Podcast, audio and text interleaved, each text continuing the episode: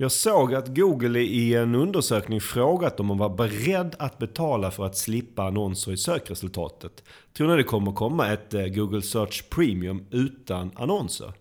Ja, det finns ju i och för sig för YouTube redan men äh, jag har ganska svårt att se det hända för sök faktiskt. Äh, jag tror inte riktigt betalningsviljan finns där. Ja precis, ett YouTube utan annonser kostar 69 kronor per månad och med tanke på att sök drar in mer pengar än YouTube så skulle det sannolikt behöva kosta mer än så. Vad säger du Pontus? Är du beredd att betala en hundring per månad för att slippa annonser i söket? Nu är jag utan tvekan partisk, men jag tycker oftast att annonserna i söket är relevanta. Eh, och det är inget jag skulle vilja lägga pengar på att bli av med. Och jag tror inte att det är så många andra heller som skulle vilja det. Men vi får väl se. Mm, jag kan hålla med. Det finns många saker jag mycket hellre lägger 100 kronor på varje månad. Men med det sagt, då är det dags att rulla igång Sökpodden där dagens avsnitt som alltid är både gratis och utan betalda annonser. Du lyssnar på Sökpodden, en podcast för dig som gillar Google, SEO och SEM.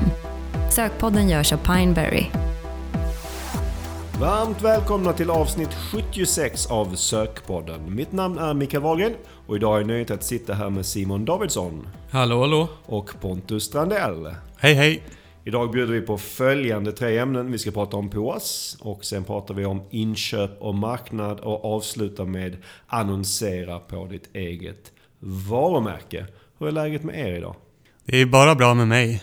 Det är full fart och som marknadsförare så har vi en väldigt rolig tid framför oss med Black Week och högtider. Så jag är förväntansfull. Ja, men eh, jag är också väldigt förväntansfull faktiskt här inför Black Friday och eh, kanske inte bara utifrån ett jobbperspektiv utan vi får även tillökning i familjen eh, runt den här tidpunkten. Så eh, vi får se lite var jag spenderar min Black Friday någonstans. Mm, jag förstår att det är eh, spännande från så många olika perspektiv. Och nu sätter jag kanske lite onödig press på oss. Men du sa Simon att på förhand så var det här det mest intressanta avsnittet någonsin. Ja, alltså jag kände att jag skulle få äta upp det här lite. Men äh, ja, det kanske är lite subjektivt men äh, dels så kommer jag ju lite från en Google Ads-bakgrund så jag tycker det är väldigt kul och det är ganska mycket Google Ads idag.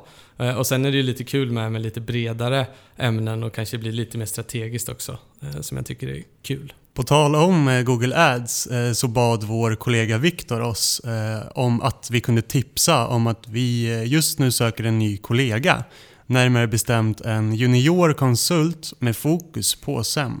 Så om du är i början av din karriär och känner att Google Ads är din grej, då tycker jag att du ska kika in på jobb.pineberry.com och läsa mer. Det tycker jag verkligen att du ska göra. Och jag har faktiskt också med mig ett medskick och det kommer från vår andra kollega Kalle. Som precis har gjort klart med nästa SEO-snack. Ja, vad roligt. Det är jättekul att det kommer igång igen nu. Ja, verkligen. Jag har eh, saknat SEO-snack under pandemin. Men nu behöver vi inte vänta så länge till för torsdagen den 2 december, då är det dags igen. Då är det faktiskt det 39 SO-snacket i ordningen. Och för att fira att vi är då tillbaka igen efter pandemin så har vi bytt eh, lokal. Vi kör denna gång på Kapital Bar som ligger på åttonde våningen på Scandic Continental i centrala Stockholm. Och vi drar igång klockan 17.00. Ni hittar alla detaljer på SEOsnack.se om ni är intresserade och har du aldrig varit på SEO-snack tidigare så är det en avslappnad avvägd där du kan snacka och mingla med andra i branschen. Ja, och vi får väl hoppas att det blir bra uppslutning nu, att det är många som har hungrat efter det här. Mm, det hoppas jag också. Och med den glada nyheten då kör vi igång dagens första ämne. Idag ska vi börja prata om POAS. Ett ganska hett ämne inom digital marknadsföring rent allmänt och kanske lite extra hett inom Google Ads. Ja, det snackas mer och mer POAS.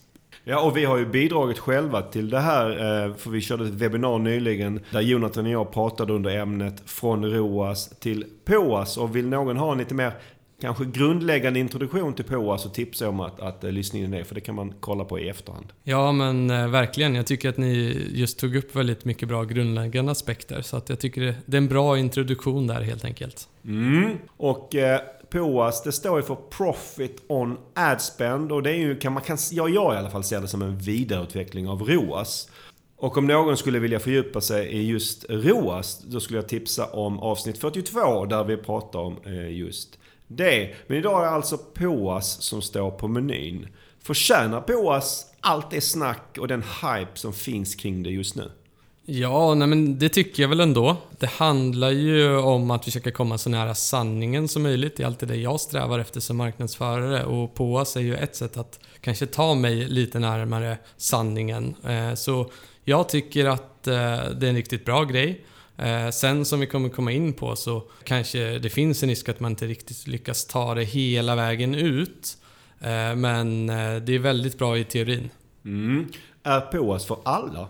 Ja, de som tjänar mest på POAS är nog e-handlare som har produkter med olika marginaler, stora skillnader i fraktkostnader och flera produkter per order. Varför är det så extra intressant för dem? Om vi tänker motsatsen. Eh, en e-handlare som har samma marginal på alla produkter, ett enda fraktsätt som alltid kostar samma och alltid bara säljer en produkt per order. Då kan du nästan lika, lika gärna fortsätta använda ROAS. För i det här fallet så kommer POAS inte att ge dig några direkta fördelar eh, eller nya insikter som du inte redan har. Ja, men exakt. Och ju större skillnader kan man säga som du har i vinsten per order som du skickar iväg. Och desto större nytta har du ju någonstans utav det här POAS-måttet. Har du väldigt stora skillnader i exempelvis produktmarginal eh, så kan ju ROAS bli kanske ett lite trubbigt och delvis missvisande nyckeltal som faktiskt kan lura dig in lite i och, ta fel beslut i kontot. Pontus, du nämnde att, att POAS eh, kanske främst är för e-handlare. Är det bara för e-handlare? Ja, främst kanske för e-handlare, men tjänsteföretag kan också använda sig av det. Eh, men där kanske det inte alltid är lika vanligt att man har den, den detaljkoll på sina marginaler och kostnader som krävs för att POAS ska funka. Och eh, det här webbinariet som jag nämnde inledningsvis, där pratar vi om POAS från ett Google Ads perspektiv. Eh, är POAS mest relevant för just Google Ads? Nej, alltså det kanske snackas mest på oss kring just Google Ads, men det är ju liksom relevant någonstans för alla kanaler och alla investeringar du gör. Du kan ju egentligen lika gärna titta på det utifrån Facebook Ads exempelvis. Eh, och man kan ju få in den här typen av siffror i Google Analytics också. Så det går ju helt klart att titta på det utifrån ett större perspektiv. Sen kanske det är ofta Google Ads som, som är Eh, står för en större del av investeringen och kanske ett naturligt ställe att börja titta på det här utifrån. Mm. Och just det här du var lite inne på, att, att använda sig av det. Ett ROAS-mål är ju något som går att ställa in i Google Ads eller Facebook Ads. Men det finns ju inte något motsvarande för POAS. Så hur gör man rent praktiskt? Ja, nej, men det kan ju vara lite lurigt att få till och ganska tekniskt. Eh, men om man förenklat ska beskriva det här i tre steg så kan man säga att eh, Första steget eh, sker någonstans när någon klickar in på en annons och sen köper någonting. Eh, och då handlar det ju om att, spara ner det här G-klidden då eh, i ditt affärssystem. Eh, och sen så som steg två så behöver du räkna ut vinsten eh, på ordernivå. Och då måste du förstå vilka produkter som har handlats, vilket fraktsätt, vilket betalsätt som har valt. Eh, och sen få ut en vinst på den ordern. Och sen som steg tre så behöver du skjuta upp den här vinsten just för den G-klidden då eh, tillbaka till Google Ads så att de ska förstå eh, vad den faktiska vinsten var istället för intäkten då som, som man ju använder för att räkna ut ROAS. Eh, så man kan säga att Google kommer ju eh, fortfarande optimera som om det är ett ROAS-värde men eh, det i själva verket är då en påas-värde eller ett vinstvärde som man använder. Och sen så kanske jag också ska tillägga då att eh, det finns ju faktiskt tredjepartsaktörer som, som gör det här. Eh, så att eh, om man inte känner att man har möjligheten kanske att få till det här tekniskt själv hela vägen så finns det ju ja, sätt att lösa det på eller få, få lite hjälp på vägen. Ja, och som du eh, nämnde, när man väl har fått till det här tekniskt så måste man ju också anpassa sitt ROAS-mål så att det blir ett POAS-mål. För det är ju POAS-värdet du nu helt plötsligt feedar in i budalgoritmen. Ja, exakt. Det jag tycker är ganska fint med POAS jämfört med ROAS, det är att det, det blir ju mycket enklare att avgöra vad som är en bra POAS där du hela tiden utgår från 100%. För vid 100% så blir det break-even. Då är vinsten helt enkelt lika stor som annonskostnaden. Mm, jag håller med om att 100% som målvärde gör det klart enklare. Samtidigt säger jag att nästan alla som skriver om POAS enbart tar hänsyn till de rörliga kostnaderna i sina uträkningar. Och för mig som då ekonom, det gör det lite, lite, lite ont. För då är ju kanske ändå inte 100% break-even, eller hur ser ni på det? Ja, och här blir det ju lite av en strategisk fråga också. Eh, för om du har eh, tillväxt som övergripande mål och kanske tillväxt eh, till varje pris, då är det ju kanske okej okay om POAS bara täcker rörliga kostnader. Och en ökad volym påverkar ju även kostnadstäckningen utav fasta kostnader här. Så det finns väl inget rätt eller fel. Men på längre sikt så behöver väl alla företag även ta hänsyn till sina fasta kostnader, tänker jag. Och vad säger du om vinst? För de flesta företag har ju som mål att tjäna pengar, i alla fall förr eller senare. Ska man ha med vinst i sin POAS-beräkning eller ska man så snarare optimera efter, sig 110% i POAS om man då vill ha 10% i vinst? Ja, men, och här finns det egentligen inget rätt eller fel, utan eh, det viktigaste är ju att man tar hänsyn till det någonstans, givet vart, vart man är på väg som företag och vilken vinst man behöver få ut ifrån kanalen. Så vart man gör det är egentligen mindre intressant så länge man, man någonstans ändå tar hänsyn till den, tänker jag. Mm. En sak som jag är lite, eh, på ett sätt kanske förvånad över är att om man googlar på vad Google själva har sagt om POA så är det i princip inget alls. Och det finns som sagt ingen färdig funktionalitet för det idag. Varför är det så? Ja, men det är en bra fråga. Jag tänker att det kan vara så att, att det är för att det fortfarande är ganska nytt eh, och att eh, det finns inte en enkel lösning för det. Någonstans så, så kanske man ligger lite före Google där i tankarna.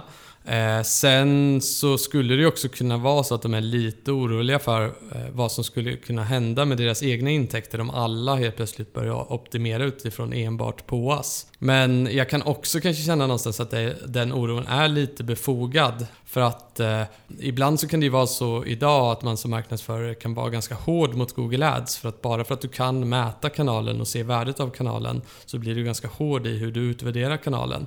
Eh, och risken här är ju kanske då att man men att man går ganska hårt åt kanalen och att man drar ner sin investering ganska kraftigt. Och utifrån ett större perspektiv så behöver ju inte det vara rätt heller. Så att eh, mm, det, det, finns flera parametrar i, i det där, tror jag. Mm, och jag kan hålla med att jag har svårt att se att Google tar fram en någon form av standardlösning för detta. För det är oftast som vi redan har varit inne på så behöver man kanske anpassa det lite från fall till fall.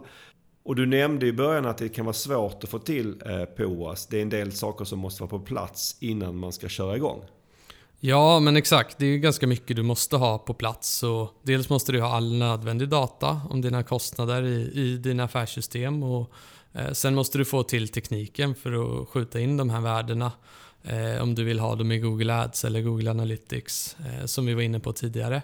Ja, det är inte helt lätt alltid. Nej, upplever du att e-handlare har koll på sina siffror? Eh, eh, kostnader i det här fallet då? Ja, men det är lite olika skulle jag säga. Eh, vissa har ju jättebra koll medan andra kanske har lite att önska där någonstans.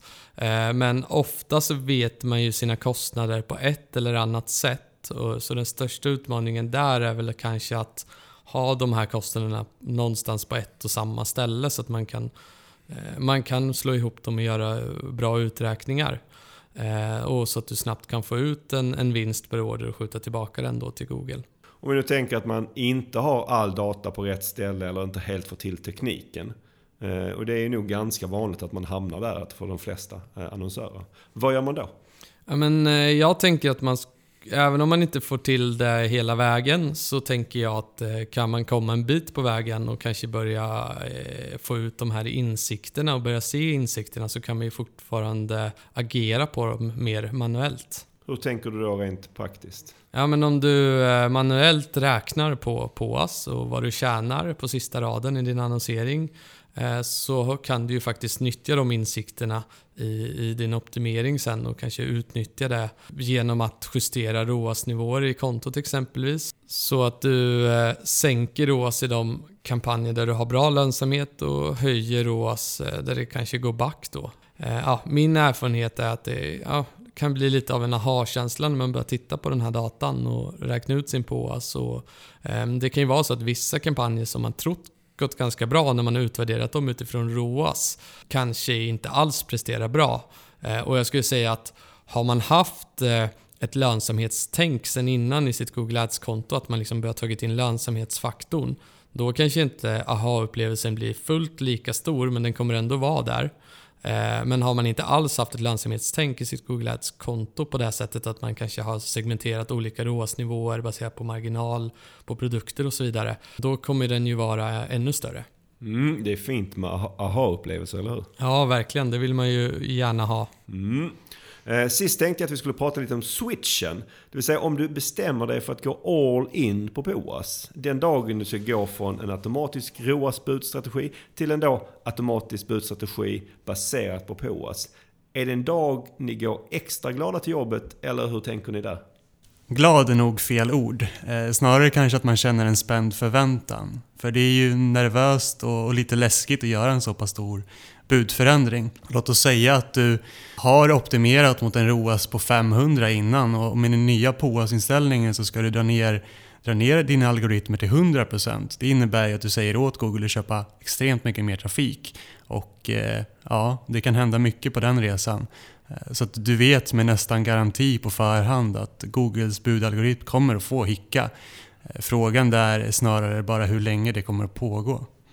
Ja, för jag upplever att även när du gör små förändringar i ditt konto, kanske i utkanten så att säga, så får Googles budalgoritmer hicka. Men att gå från ROAS till POAS, det är ju på något sätt som att ändra hela kärnan i hur den agerar. Ja, men samtidigt är ju det lite det man vill, eller hur? Hur menar du då? Jo, men om vi antar att, eh, som vi var inne på innan, att du kanske har vissa kampanjer som får, från ett eh, POAS-perspektiv inte varit så lönsamma och andra som varit mer lönsamma än du faktiskt trott. Då vill du på något sätt få Google att förstå och ta hänsyn till det. Eh, men det blir en skakig resa dit. Mm. Hur länge får man förvänta sig att det skakar efter en sån här stor och riskfylld förändring? Det är lite svårt att säga. Det beror ju på hur mycket data du har. Eh, men räkna med minst ett par veckor. Eh, det kan också vara så att din annonsering blir sämre i en månad eller två. Det är nog i alla fall klokt att mentalt ställa in sig på det. Ja, och här är det ju bra att eh, man ser det på lite längre sikt och att eh, det kanske blir sämre ett kort tag för att sen förhoppningsvis då bli klart bättre eh, än vad det var innan.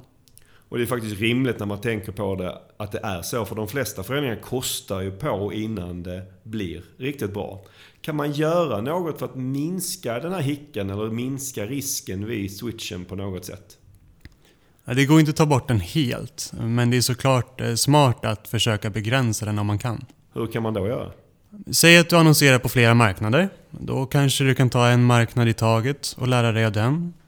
Eller om vi tänker oss att du först gör en manuell POS-beräkning som Simon var inne på tidigare. Eh, där du tittar på dina kampanjer och kommer fram till att, låt oss säga hälften av dem har en POS på under 100%. Det vill säga att de inte är lönsamma.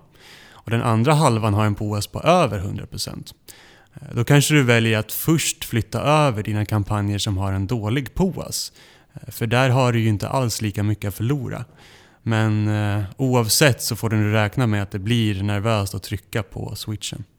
Mm, vad bra, tack för det. Med det så tänker jag att vi lämnar POAS för idag och går vidare till dagens eh, andra ämne.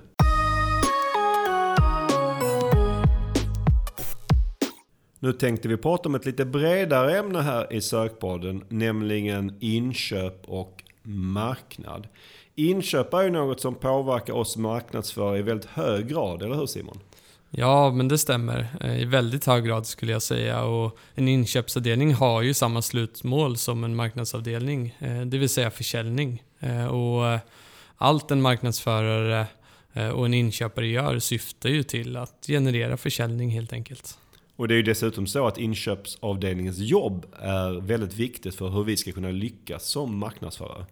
Ja, men exakt. De spelar ju en väldigt avgörande roll där. Eh, först och främst så sitter de ju ofta på en enorm kunskap kring segmentet som de arbetar med. Eh, och eh, en kunskap som vi marknadsförare och kanske speciellt eh, mig som konsult som kommer utifrån inte kommer i närheten av. Eh, och bara att få ta del av deras kunskaper eh, tycker jag är väldigt mycket värt utifrån ja, hur vi ska arbeta med, med annonsering och innehåll och så vidare. Ja, de krattar ju verkligen manegen åt oss marknadsförare via smarta inköp. Det är oftast anledningen till att vi marknadsförare sen ser bra ut när vi tittar på resultatet i exempelvis Google Ads.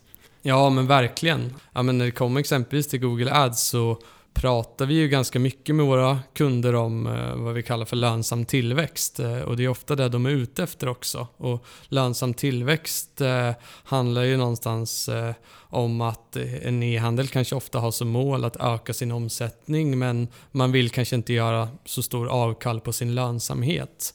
Eh, och vi har ju varit inne på det tidigare tror jag vid något tillfälle i sökpodden men ett av de bästa sätten någonstans för en e-handlare att skapa den här lönsamma tillväxten år efter år handlar ju om, kanske då främst via Googles kanaler, handlar ju om att liksom någonstans bredda sitt produktsortiment eh, och därmed kunna hitta mer lönsamt sökbeteende att synas mot. Eh, så där blir ju det, eh, rätt inköp direkt avgörande. En annan viktig faktor här blir ju att säkerställa ett bra lagersaldo på bästsäljare bästsäljande produkter. För tar de slut eh, så slår det direkt mot försäljningen och resultatet på eh, både Google Ads och, och, och på SEO. Där är inköpsavdelningen otroligt viktiga eh, för hur vi kan lyckas. Ja, men det har du helt rätt i. Det är ju en väldigt viktig del i det hela. Utifrån det vi ser som konsulter, hur väl tycker vi att inköpsavdelning och marknadsföringsavdelningen jobbar ihop? Min uppfattning är att det lätt kan bli silotänk mellan avdelningarna. Det vill säga inköpsavdelningen har inte full koll på vad vi gör på marknadsavdelningen och vice versa. Där finns ofta utrymme för en, eh, ett mycket större och bättre samarbete helt enkelt.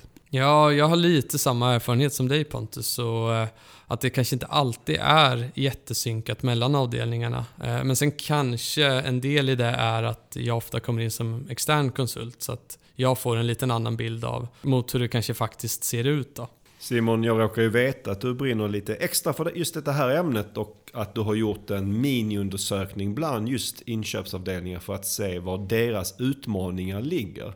Vad var det du kom fram till i den undersökningen? Ja, det stämmer. Jag, jag kollade runt lite och eh, ja, men jag kom fram till tre saker som stack ut som jag tyckte var ganska intressanta. Eh, men kanske inte så häpnadsväckande i sig. Men eh, om jag ska dra de tre så, så var ju den första just det här att eh, ja, men hitta nya produkter och kategorier som man tror kan fungera. Att det kan vara en, en stor utmaning. Sen eh, handlar det också någonstans eh, för en inköpare om att ta rätt beslut. Eh, det vill säga, ska jag köpa in en produkt eller inte? Och eh, vilken mängd ska jag köpa in det av? Eh, och sen den tredje saken som kanske inte alltid en inköpare som sitter och gör det här utan det är kanske en tredje person inblandad. Men eh, det handlar ju om att addera in produkter i e-handeln på rätt sätt eh, för att addera synlighet. Det var också någonting som kom upp. Eh, bra punkter. Och eh, det ska ju också sägas att här kan vi som marknadsförare bidra med våra insikter för att hjälpa till. Ju. Ja, hur kan vi göra livet enklare för inköparna när det gäller just de här sakerna? Ja, men jag skulle säga att det ändå finns ganska mycket. Sen kan det nog skilja sig lite från fall till fall exakt hur man kan hjälpa till. Men eh, jag tänkte att vi kanske skulle kunna kolla lite på de här utmaningarna och hur vi skulle kunna bistå från ett marknadsföringsperspektiv. Mm, det låter bra. Vi kan börja med den första du nämnde, att identifiera nya produkter eller kategorier.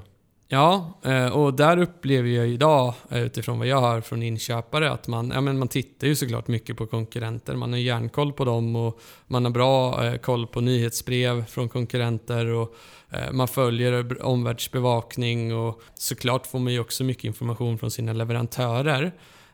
Men om vi ska då titta liksom vad vi kan göra mer från marknadsföringshållet som kan vara intressant Eh, så tänkte jag lyfta tre saker. Det första eh, som eh, är en fantastiskt bra tillgång men som kanske inte alltid nyttjas. Det är ju det här med det interna sökresultatet. För på en hemsida så har man ju inte sällan ett sökresultat internt. Och där görs det ju sökningar utifrån vad konsumenten är ute efter.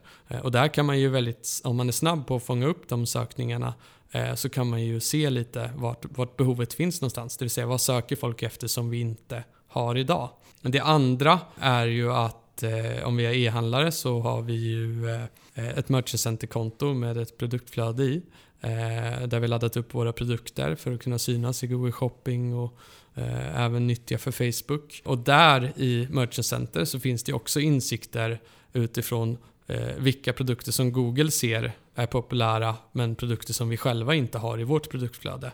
Så där kan man ju också vända sig till för att få, för att få insikter kring vad vi kanske borde köpa in som vi inte har i lager. Och sen den tredje, eh, den här har min kollega Björn Bydén tittat en hel del på Eh, Eh, men den handlar ju om att eh, spindla av konkurrentens sajt eh, via exempelvis ett verktyg som Screaming Frog som jag tror också vi har pratat om tidigare i sökpodden. Exempelvis då för att kunna få information om deras produktutbud Eh, på ett lite större skala. Men kanske framförallt då för att kunna kanske filtrera ner recensioner eller lagersaldon från specifika varumärken. Så det är också någonting som man skulle kunna sätta kanske lite i system och, och, och kunna hjälpa sin inköpsavdelning med. Och här kan jag tipsa om eh, Björns och mitt senaste SEO-webbinar där vi just pratar om just den här grejen hur man kan använda Screaming Frog för att hjälpa inköpsavdelningen.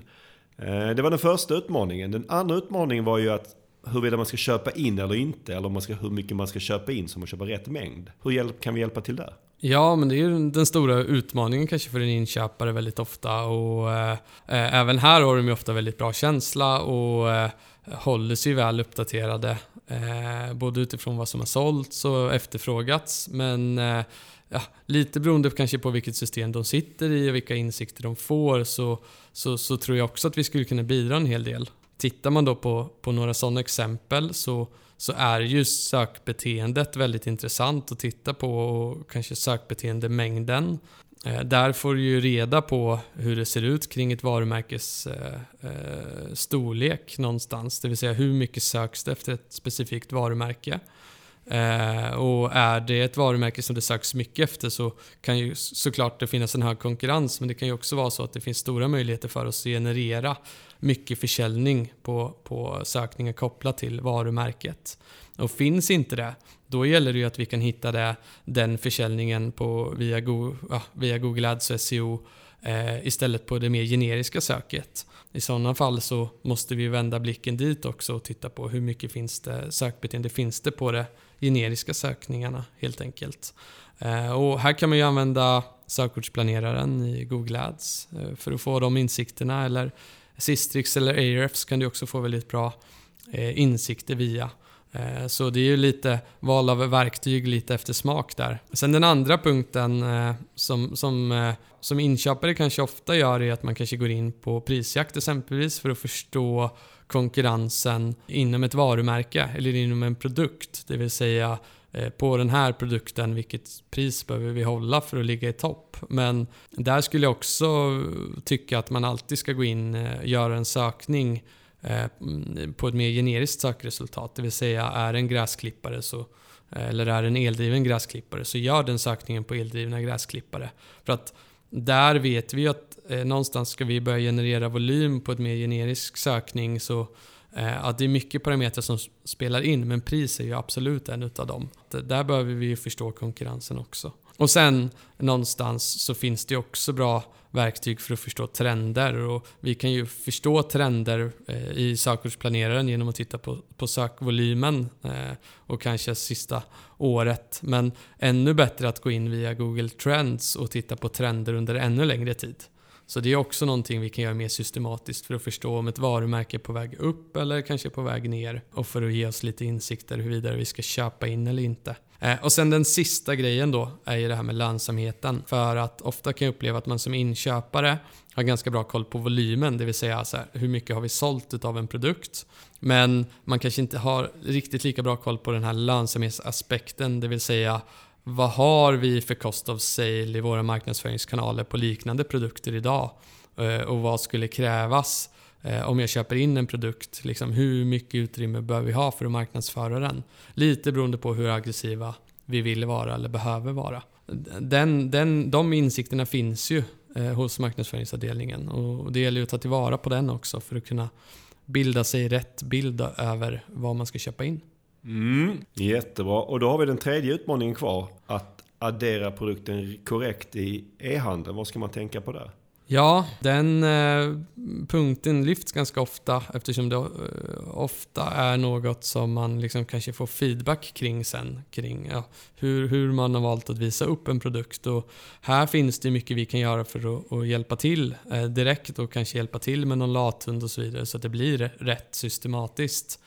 Eh, och så att vi håller en, en hög nivå överlag. Återigen så handlar det ju någonstans om eh, att förstå sökbeteendet där som jag var inne på tidigare. Och där kan vi ju verkligen hjälpa till. Eh, och sen även förstå eh, någonstans vad konkurrenterna gör eh, det vill säga hur kommunicerar konkurrenterna och hur kan vi särskilja oss? Och, och sen det tredje där blir ju någonstans att eh, kanal, att säkerställa att vi har kanalanpassat vår kommunikation när vi lägger upp produkten. Det vill säga för SEO så handlar det ju om ja, men titlar, beskrivningar, innehåll, rubriker och så vidare. De här vanliga SEO-sakerna som, vi alltid, som alltid är viktiga. Men eh, vi har ju också någonstans ett betalt eh, en betald synlighet som vi vill säkerställa via Google Shopping och då handlar det ju någonstans om att se till att ja, Eh, hur hämtar vi in den här eh, produktinformationen i vårt shoppingflöde exempelvis. Så att vi liksom anpassar, anpassar det efter vilka regler vi har där.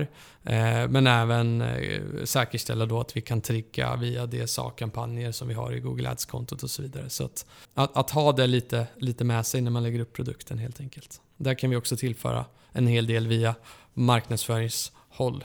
Mm, tusen tack för de punkterna och de insikterna Simon. Det verkar ju helt klart finnas en väldigt mycket vi som marknadsförare kan bidra med. Nu eh, gissar jag att det kanske inte är sådär jättemånga inköpare som lyssnar på Sökpodden. Men vi vet ju att det finns många marknadsförare som lyssnar. Och om man nu lyssnar och man är marknadsförare, vad ska man göra då? Ja, men, eh, första steget skulle jag säga är någonstans att eh, men kalla till ett möte, sätt dig ner med inköpsavdelningen, titta på vilka utmaningar de har, vart någonstans, eh, liksom, eh, vilken information har de inte och hur kan vi hjälpa till och, och komplettera där. Och sen för mindre e-handlare så är det ju inte ovanligt att inköp och marknadsansvarig är samma person. Så där, finns det, där är det betydligt enklare att direkt börja se över sina egna rutiner och säkerställa att man nyttjar insikterna fullt ut utifrån de punkterna som du har tagit upp nu Simon. Mm. Och då tänker jag att vi avslutar snacket om hur marknad och inköp kan optimera sitt jobb eh, tillsammans. Och så går vi vidare till dagens sista ämne. Idag avslutar vi med att prata om att annonsera på sitt eget varumärke i Google Ads, det vill säga det som man ofta kanske kallar för brand kampanjer. Det kan tyckas som ett ganska harmlöst ämne, eh, men min erfarenhet är att det är något som kan skapa mycket debatt. Håller ni med? Men det skulle jag nog säga. Det kan skapa en del debatt och ja, men kanske vara en liten eh, knepig eller känslig fråga ibland. Men eh, det är ett väldigt bra poddämne så jag är lite förvånad att vi inte pratat om det tidigare i Sökpodden. Ja, det var jag också faktiskt. Och vi har snackat om närliggande saker som att annonsera på konkurrenters varumärke. Och vi har berört det lite kort någon gång i andra ämnen. Men eh, vi har inte haft det som ämne innan faktiskt. Jag ska kanske brasklappa att det är vad jag kan minnas i alla fall. Det måste vara svårt att komma ihåg alla ämnen. Alltså, det är ju många ämnen och jag blir inte yngre direkt. Så det, och det är ingen riktigt bra kombo. Men jag har en lista över alla ämnen och en metod för att hjälpa mig att minnas. Men det är ganska ofta jag numera måste kolla upp om det är ett ämne vi haft innan. För det, det är inte så att jag kommer ihåg det helt utan till. Simon, det här med att det är ett känsligt ämne. Vad är det som är då eventuellt är lite känsligt? Känsligt och känsligt. Det kanske inte är i likhet med en diskussion kring om CTR är en rankingfaktor eller inte eh, som, man, som man kan ha på SEO. Eh, riktigt så känsligt kanske det inte är. Men eh, ja, det, det, kan ju ändå vara så att åsikterna går isär lite hur, vad, vad som är rätt och fel och hur man ska agera i olika situationer här. Och visst är det nästan så att på gott och ont att SEM-frågor är lite mindre känsliga än SEO-frågor? Ja, ja men det, det, kan jag köpa in på faktiskt. Det känns som att det, det alltid blir lite känsligare när vi, när vi pratar SEO av någon anledning.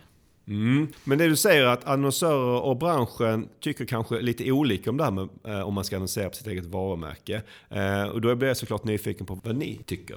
Om du frågar mig så, om jag måste svara ja eller nej så skulle jag säga ja. Men eh, svaret behöver vara mer nyanserat än så, så det beror på. Och där har vi ju faktiskt en likhet med SEO, att eh, it depends. Ja, ja men exakt. Ja. Vi kan ju börja med att bryta ut eh, semi-brands. Eh, för där tycker jag att det är enklare att säga att där ska man annonsera. Varför är det så? Ja, men för att det oftast är väldigt lönsamma sökningar som du i alla fall delvis riskerar att missa om du inte annonserar. Eh, låt oss säga att vi tar sökningen Pineberry SEO som ett exempel. Så signalerar den tydligt att någon är intresserad av Pineberrys SEO-tjänster. Men vi kan samtidigt utgå från att det kommer att vara andra som annonserar brett eller med fras på sökordet SEO. Eh, så det kommer att vara konkurrens om det klicket. Okej, men om vi då tar exakt match eh, brand, till exempel att någon googlar på Pineberry eller Ikea. Ska man inte annonsera där eller där är det inte lika självklart? Ja, exakt. Eh, men där känns det som att eh, det blir kanske lite liten annan avvägning. Men någonstans så i min värld så beror det helt på konkurrensen. Det vill säga, ser vi att andra annonserar där eller gör de inte det? Eh, det är någonstans där man ska börja när man, när man väger sitt beslut.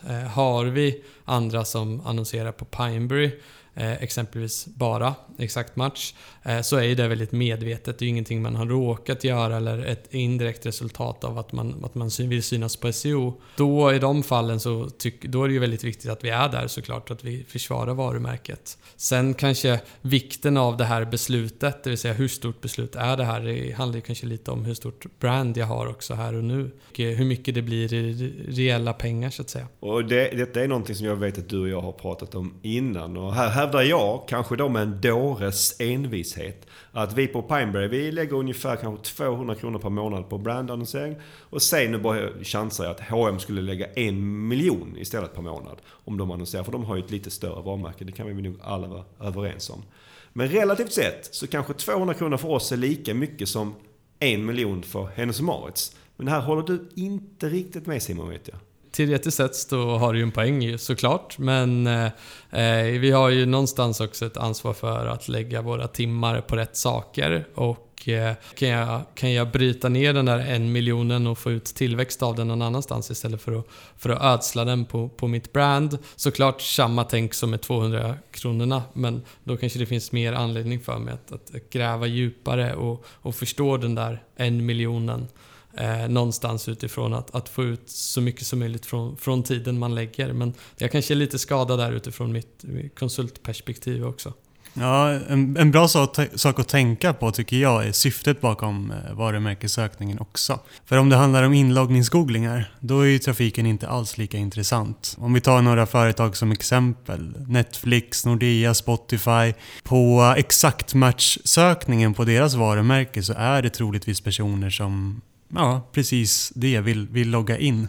Ja, det är en väldigt bra poäng Pontus. Och, eh, ja, eh, jag vet ju att, att alltså, det finns aldrig kanske en enkel lösning kring att förstå när, när är det här då en, en befintlig kund eller inte. Men man kan ju exempelvis använda negativa målgruppslistor. Det vill säga om någon har besökt sajten väldigt nyligen så är det i alla fall en återkommande användare och inte en helt ny användare utifrån vad vi kan se och då, eh, då kanske det inte finns samma eh, vinning i att synas där och då kanske vi skulle kunna spara de pengarna i alla fall eh, och lägga någon annanstans. Eh, men om det är en helt ny person och vi ändå har Ja, men givet att vi har konkurrensen också så då, då ska vi synas där såklart. Det, det är ju det är en avvägning men det ju, skulle kunna vara en lösning i de fallen. Jag tycker det är en smart lösning om man, om man misstänker att en stor del av ens varumärkessökning är just inloggningsgooglingar. För då kan man ju bli av med i alla fall en, en hyfsad del av dem. Sen har vi det här med att brandannonsering påverkar din SEO.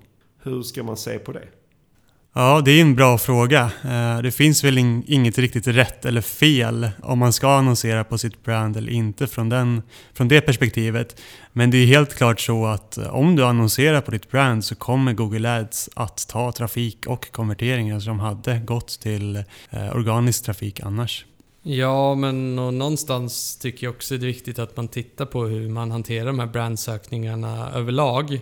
Eh, egentligen oavsett om det är eh, trafik som då eh, organiskt väldigt ofta går till en startsida eller om eh, nu då om vi pratar specifikt Google Ads. För någonstans så kan jag tycka att eh, man bör separera den trafiken eh, ifrån den andra trafiken och att man kanske bör Eh, Eh, man, ha, man bör ha ett annat sätt kring hur man ser på det. För att vi pratar ju det här om att ta strategiskt grepp på kontot och ska jag annonsera på brand eller inte. Och har du konkurrens, ja men då måste du ju eh, då måste du ju någonstans försvara dina positioner.